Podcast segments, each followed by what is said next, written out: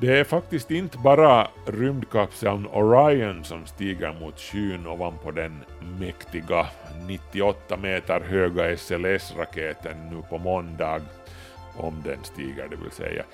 Det är i princip NASAs hela vara eller inte vara som står på spel nu. 10, 9, 8, ignition sequence start, 5, 4, three, two, one, zero. Quantum leap. Salto quântico. Salto quântico. Salto quântico. Salto quântico. Salto quantico. Salto quantico. Salto quantico. Kvantum. Det du inte visste att du ville veta. Apollon Ljusets och konsternas gud i den grekiska mytologin hade en tvillingsyster, Artemis. 50 år efter den sista Apollo-expeditionen är det Artemis tur att ledsaga en ny generation av amerikanska astronauter till månen. Och nu ska äntligen minst en kvinna få lämna sitt fotavtryck på månens yta. Nu på måndag den 29 augusti ska enligt planen den första raketen i Artemis-programmet stiga mot skyn från Kennedy Space Center i Florida. Den står redan där faktiskt och väntar på grönt ljus på startplattan. Artemis 1 kommer hur som helst inte att vara en bemannad expedition. Men Orion-kapseln som sitter högst uppe på raketen, den blir i alla fall den första farkosten på 50 år eh, som är byggd för att transportera människor som sänds på en bana till månen och tillbaka. Raketen som bär upp Orion mot skyn är NASAs nya supertunga bärraket SLS eller Space Launch System den blir officiellt den största och kraftfullaste raketen i världen, åtminstone en liten stund, tills SpaceX lyckas få sin kommande bjässe Starship flygfärdig, vilket kan ske när som helst nu i princip. I veckans kvanthopp ska vi titta närmare på den nya månkapplöpningen som ironiskt nog äger rum mellan USA och USA, närmare bestämt mellan NASA och den privata sektorn. Nåja, lite tävlar USA med Kina också förstås. Men hur skiljer sig det nya millenniets månfarares teknologi från det sena 60-talets motsvarigheter? Och är det här, som vissa säger, NASAs sista desperata försök att återvinna sin forna ära och glans innan de privata initiativen tar över en gång för alla, är NASA fortfarande relevant?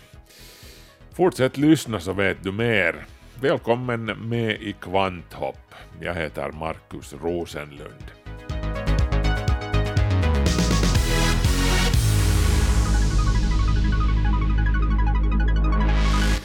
Men innan vi tar en titt på vart vi är på väg ska vi ta en titt i backspegeln. Detta har hänt. För exakt 50 år sedan, nu i december, återvände den hittills sista bemannade expeditionen från månen, Apollo 17, med Gene Cernan, Ron Evans och Harrison Schmitt den sistnämnda var den enda vetenskapsmannen någonsin på månen. Let me throw the hammer, okay? Let me throw the hammer. You ready for this? Look at that, look at that. Beautiful. Som det sista Gene Cernan gjorde, han var expeditionens befälhavare, innan han lämnade månen, ritade han sin nioåriga dotter Tracys initialer i månsanden. Det här som ett sätt att kompensera för all den tid borta från henne som hans jobb som astronaut hade kostat familjen. Därefter avslutades Apollo-programmet i förtid, innan det hade förverkligat alla sina ursprungliga mål. Eh, ytterligare tre expeditioner, Apollo 18, 19 och 20, var planerade, men de ställdes in. All hårdvara för de här uppdragen hade byggts redan 1968 och utbildade astronauter väntade på sin chans att flyga. Så det blev nu inte några stora inbesparingar, det handlar kanske sist och slutligen bara om några tiotals miljoner dollar. Och det som sen gick förlorat genom det här beslutet har kallats för ett av de mest upprörande byråkratiska besluten i, i rymdhistorien. Som en amerikansk ledarskribent uttryckte saken 2011, året då rymdfärjan togs ur trafik. Om Apollo 18 till 20 flygningarna hade gått av stapeln, då skulle skolbarn idag kunna titta på fantastiska fotografier tagna från de bergkantade slätterna i de unga nedslagskratrarna Copernicus eller Tycho, eller från terrängen på månens baksida, eller från månens miljarder år gamla stelnade vulkaniska lavaströmmar.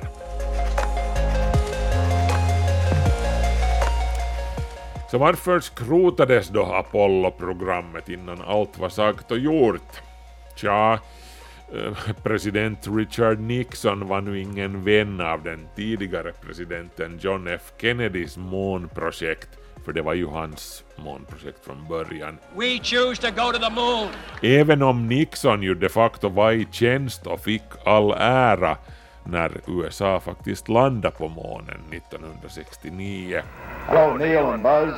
I'm talking to you by telephone from the Oval Room at the White House. And this certainly has to be the most historic telephone call ever made from the White House.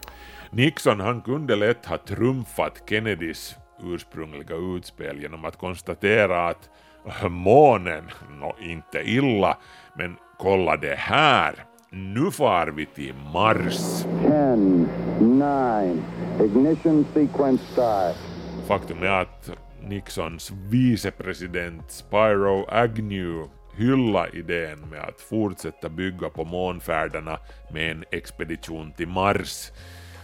Och hur det nu råkar sig, det amerikanska raketprogrammets fader Werner von Braun, han såg från början Saturn 5-raketerna, som alltså tog Apollo-expeditionerna till månen, som den första klossen i ett mycket större bygge med Mars uttryckligen då som slutdestination.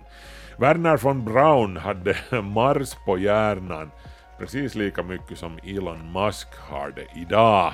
Von Braun was running through the halls of Congress trying to convince congressmen that the next project after the Apollo program should be sending humans to Mars. To ignore these great resources would be a corruption of a God given ability.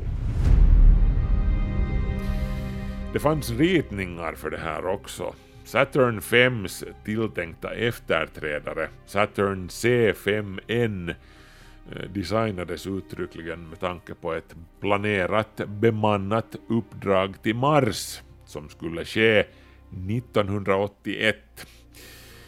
Den här raketen skulle ha haft ett atomdrivet tredje steg istället för det traditionella raketsteget S4B som användes på Saturn 5.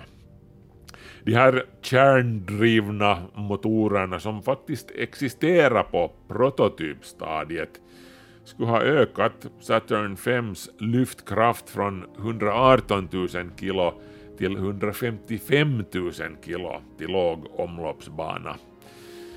Det skulle också ha minskat på besättningens transittider till Mars till cirka fyra månader istället för åtta till nio månader med vanliga kemiska raketmotorer. Men att utlysa ett svindyrt Man on Mars-program mitt i Vietnamkriget så inflationens 70-tal skulle ha sett på tok för extravagant ut och folkopinionen skulle sannolikt ha varit emot det. Så Nixon tyckte att nähä. Ja, alltså den amerikanska tv-tittande publiken var, var trött på rymdgrejer vid det här laget efter hela Apollo-rumban.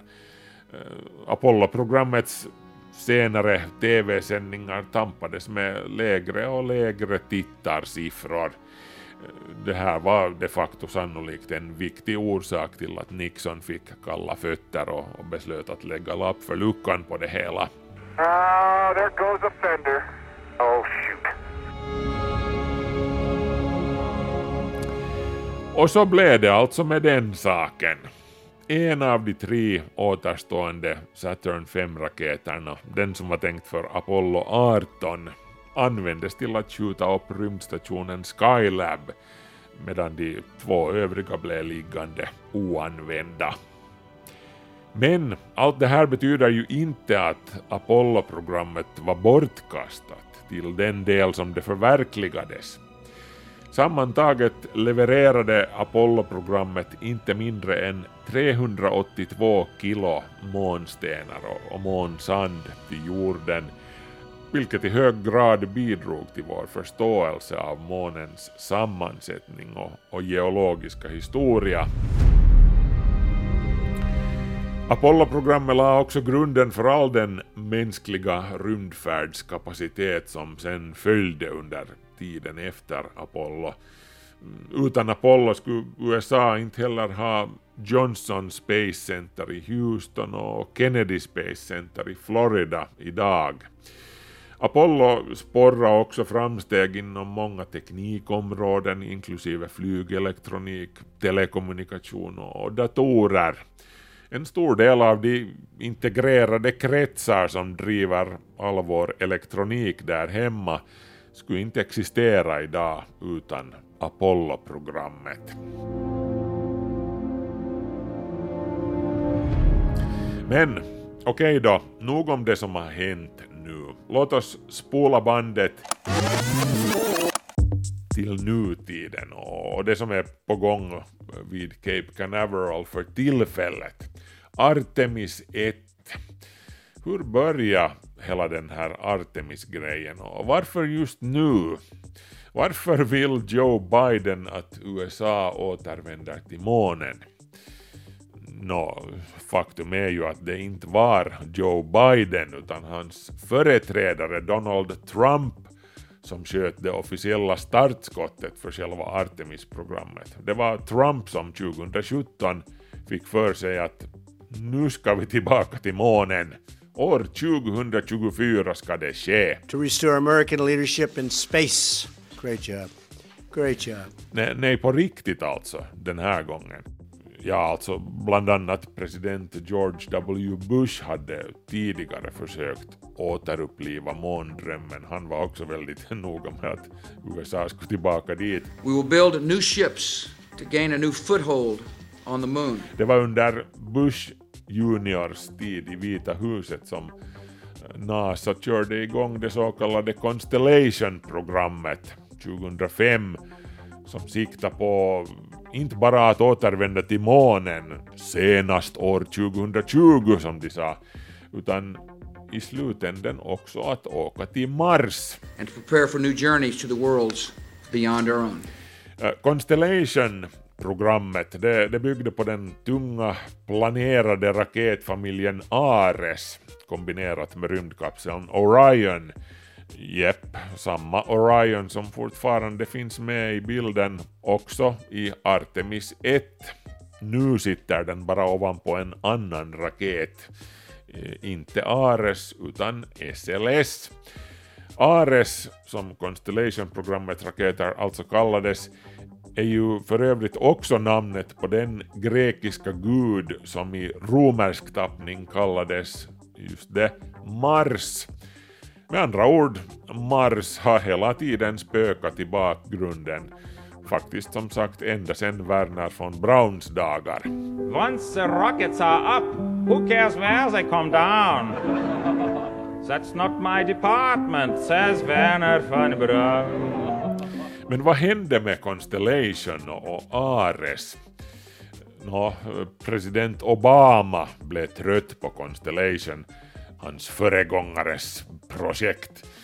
vars budget hela tiden skenade iväg och han blev också trött på den orealistiska tidtabellen så han skrotade hela projektet 2011 utom den biten som hade med rymdkapseln Orion att göra, den fick fortsätta. Jag menar, USA behövde ju en egen bemannad rymdfarkost också efter att rymdfärjorna togs ur bruk, vilket skedde samma år, 2011. We will build on the good work already done on the Orion, or Orion crew capsule. Det var också i det här skedet under Obama som NASA öppnade dörren för de privata rymdföretagen och gav dem i uppgift att utveckla sina egna fordon för trafiken till och från den internationella rymdstationen. Och med dem, de privata rymdföretagen, eh, menar jag då alltså SpaceX och Boeing, av vilka Speciellt SpaceX sedan dess har gått från klarhet till klarhet. SpaceX Falcon 9-raketer är ju den amerikanska rymdfartens riktiga arbetshäst numera. Och den bemannade Dragon-kapseln har också den visat sig vara en vinnare. Boeing har däremot haft det lite kämpigare med sin Starliner-kapsel den första obemannade turen till ISS för Starliner alltså ägde rum i maj i år på en Atlas 5-raket och den första bemannade flygningen är planerad för 2023. Men får se, det här projektet har drabbats av många, många förseningar. Men Orion då och SLS, det vill säga Space Launch System, Ska vi nu äntligen komma till nutiden och till den raketen, SLS, det är ju det som allt handlar om nu den inkommande veckan när Artemis 1-uppdraget eh, eh, går av stapeln i Florida. Eh, ser ni, så här är det, väntan har varit lång också i det verkliga livet.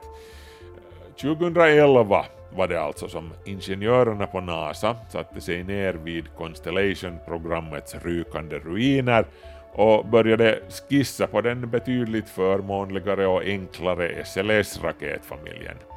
Ursprungligen var SLS tänkt att ha sin premiärflygning 2016 men på rätt så typiskt NASA-maner, nu för tiden det vill säga, har tidtabellen skjutits framåt inte mindre än 16 gånger. Den senaste gången nu i juni i somras.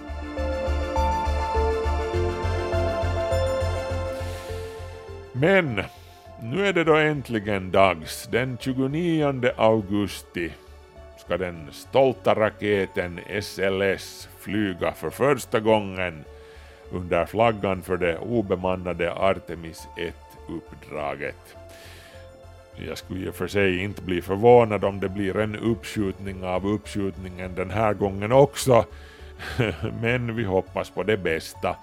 Att vädergudarna vänder sitt blidaste öga mot Cape Canaveral och så vidare och så vidare. On the launch pad in Florida, ready to go, the most powerful rocket ever built. Artemis 1, without a crew, will test drive the spaceship that will eventually carry astronauts deeper into space than ever before. Det är faktiskt inte bara rymdkapseln Orion som stiger mot skyn ovanpå den mäktiga 98 meter höga SLS-raketen nu på måndag, om den stiger det vill säga. Det är i princip NASAs hela vara eller inte vara som står på spel nu. Kan de bevisa att de fortfarande har en plats på spelplanen som de betydligt smidigare, snabbare och mer innovativa privata aktörerna har börjat ta över. Elaka tungor har på sistone snackat en hel del om att Biden-administrationen avsiktligt har vägrat ge SpaceX tillstånd för avfyrning av sin kommande jätteraket Starship för att den skulle kunna tänkas stjäla rampljuset från NASA och SLS och hej, man behöver inte vara mycket av en konspirationsteoretiker för att tänka att det kan ligga någonting i det. På pappret är den privata Starship nämligen fullkomligt överlägsen NASAs SLS i de flesta avseenden. Större, starkare och kanske viktigast av allt, mycket billigare i drift. Starship är sin återanvändbar. Den kan landa efter fullbordat uppdrag, tankas och flygas igen, kanske rent av samma dag om man får tro Elon Musk. So the, this really is designed for rapid reusability. Starships blotta existens har fått många att fråga sig vad är överhuvudtaget poängen med SLS? som fortfarande är precis lika slit och släng och därmed dyr som på 60-talet. Men ser ni här är grejen. Elon Musks hypesnack ska alltid tas med en nypa salt. Vi har inte sett en enda Starship-raket stiga mot omloppsbana ännu. Starship med sina banbrytande Raptor-motorer fulla av nytänk kan bli briljant. Den kan öppna dörren till en helt ny era i rymdtrafikens historia. Men den kan också bli en jättelik flopp. Snart vet vi. The weight of the rocket was too much and it fell over, resulting in an incredible explosion on impact. NASAs SLS däremot, den bygger på gammal beprövad teknik från rymdskyttelns dagar. Eh, faktum är att SLS mer eller mindre är rymdskytteln minus själva rymdskytteln. Själva bärraketens första steg är i princip byggd runt rymdfärjans gamla jättelika bränsletank under vilken man har fäst fyra av rymdfärjans beprövade gamla RS-25-motorer Ja, och på varsin sida av tanken sitter två boosterraketer som kör med fast bränsle, precis som på den gamla rymdfärjan i stil med vet ni, Columbia och Discovery och vad det allt hette. Ovanpå den här tanken med boosterraketerna på sidan har man sen placerat ett andra raketsteg och, och sen ovanpå den sitter själva Orion-kapseln och servicemodulen den sistnämnda är e konstruerad av europeiska ESA. Lätt som en plätt.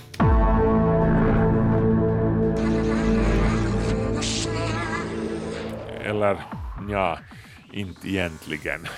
SLS må se ut som en hybrid av en gammal Saturn 5 och en rymdfärja och jo, en hel massa delar är återanvända men helheten är de facto helt ny och nog så komplicerad. Och hej, funkar det så vem bryr sig om man har lånat lite från sin egen gamla reservdelslåda? Slutresultatet är hur som helst den största och starkaste raketen sedan, sedan uh, tja, någonsin. SLS är alltså snäppet kortare än gamla Saturn 5, men den är lite starkare SLS är starkare än den gamla rymdfärjan också. Den lyfter fem ton mera än skytteln klarar av.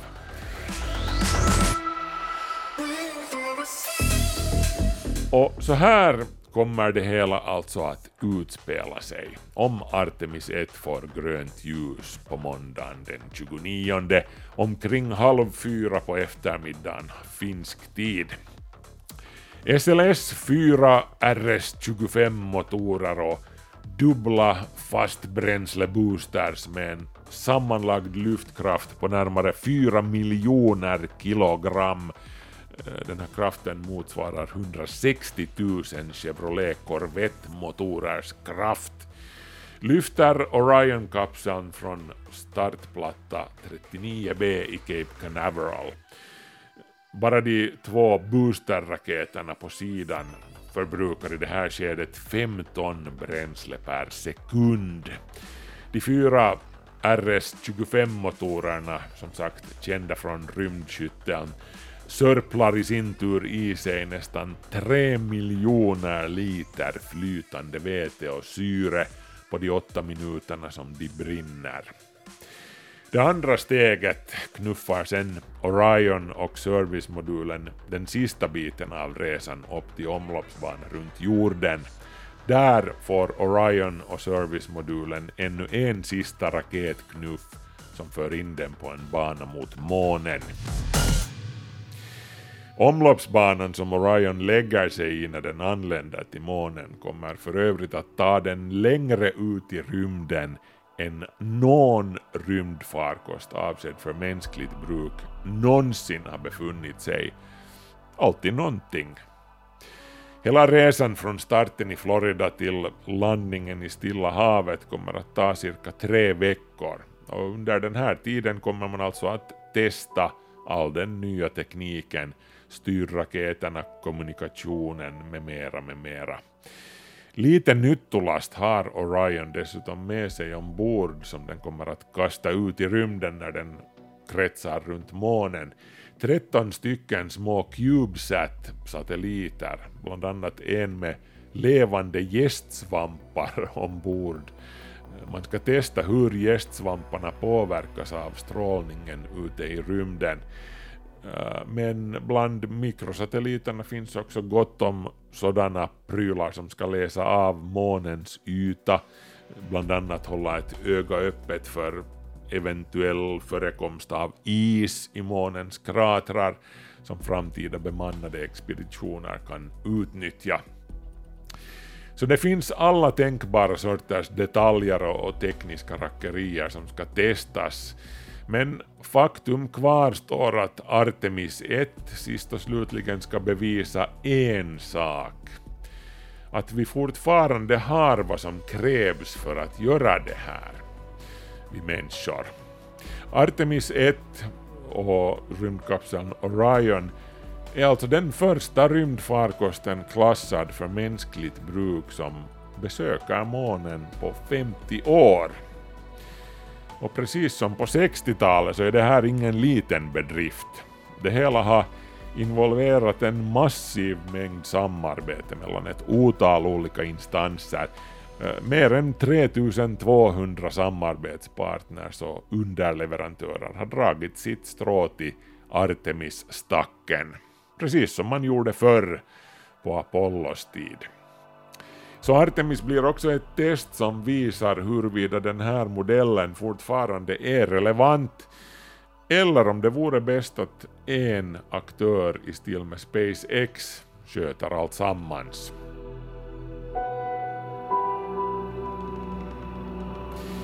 Nå, hur som helst, det här var alltså hur Artemis 1-uppdraget ser ut i stora drag.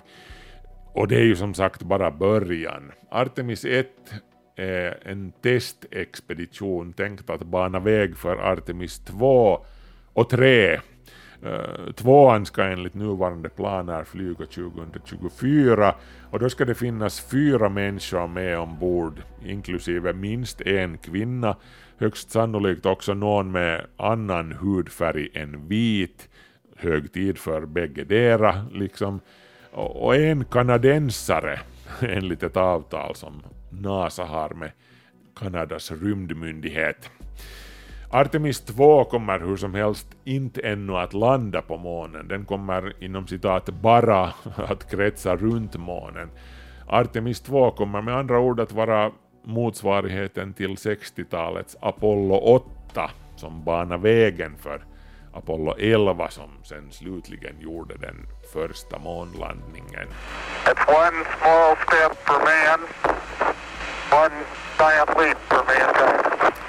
den första månlandningen i vår tid under det nya millenniet, den första på mer än 50 år, kommer sen att göras av Artemis 3, vår tids Apollo 11. Den expeditionen ska enligt nuvarande planer gå av stapeln 2025.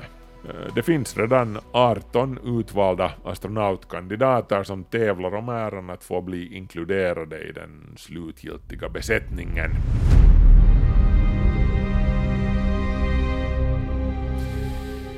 Det skulle vara enkelt att fnysa åt allt det här och säga att äh, vem bryr sig? Jag menar, vi har ju redan varit där. So what? Men det är nog väldigt mycket som är annorlunda idag med Artemis-programmet. Tekniken har utvecklats enormt sedan Apollos tid. Det kommer vi att märka redan med Artemis 1 och senast med Artemis 2. Det finns ju 4K-streaming och all världens häftig bildteknik nu som saknades helt på 60 och 70-talen. Vi vanliga dödliga tittare kommer på riktigt att få ta del av det här i högupplöst bild och se månen på ett sätt som ingen soffastronaut ens kunde drömma om på Neil Armstrongs tid. Men hej, Artemis 2 och 3 får vi lov att återkomma till i ett kommande avsnitt av Kvanthopp. Det finns mycket att säga om dem, mycket som återstår att göra innan vi är där. Kan ju ändå sägas att Artemis 3 kommer ju till exempel inte att landa på månen med Orion-kapseln. Den, den är liksom aldrig tänkt som, som en landningsfarkost.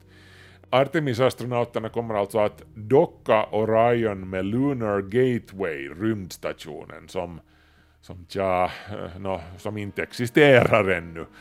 De första modulerna till den ska enligt planerna skjutas iväg mot rymden 2024 ombord på SpaceX Falcon Heavy-raketer.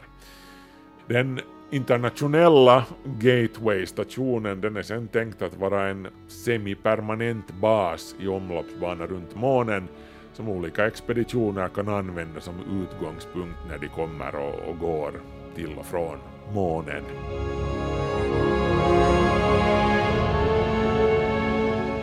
Så med andra ord, summa summarum, det är ju liksom grejen med, med NASA, som nu alltså är i rampljuset här, att, att de, de, de må vara långsamma i vändningarna ibland och deras teknologi är inte alltid så sexy. De kör med stuff som de har liggande i sina reservdelslådor och så här.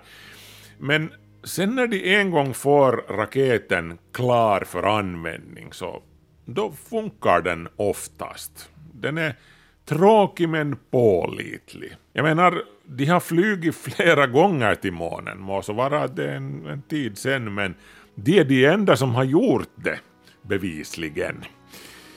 Men så är det förstås en annan sak att uh, SpaceX och Elon Musk, de hänger ju nog NASA i hälarna här.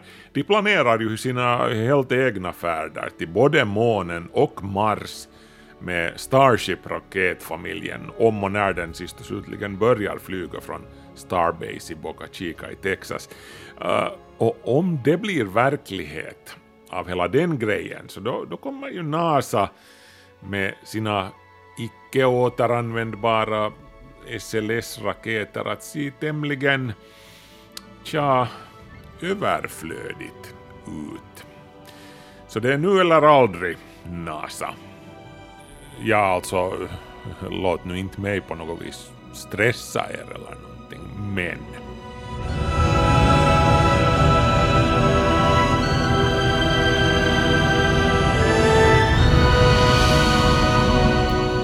Nu är Kvanthopp i alla fall slut för den här veckan. Nästa vecka i Kvanthopp. Barnen frågar, Kvanthopp svarar. Du hinner ännu spela in ditt barns fråga om egentligen allt mellan himmel och jord och skicka den till kvanthopp.yle.fi. Markus Rosenlund så heter jag. Vi hörs om en vecka. Hej så länge.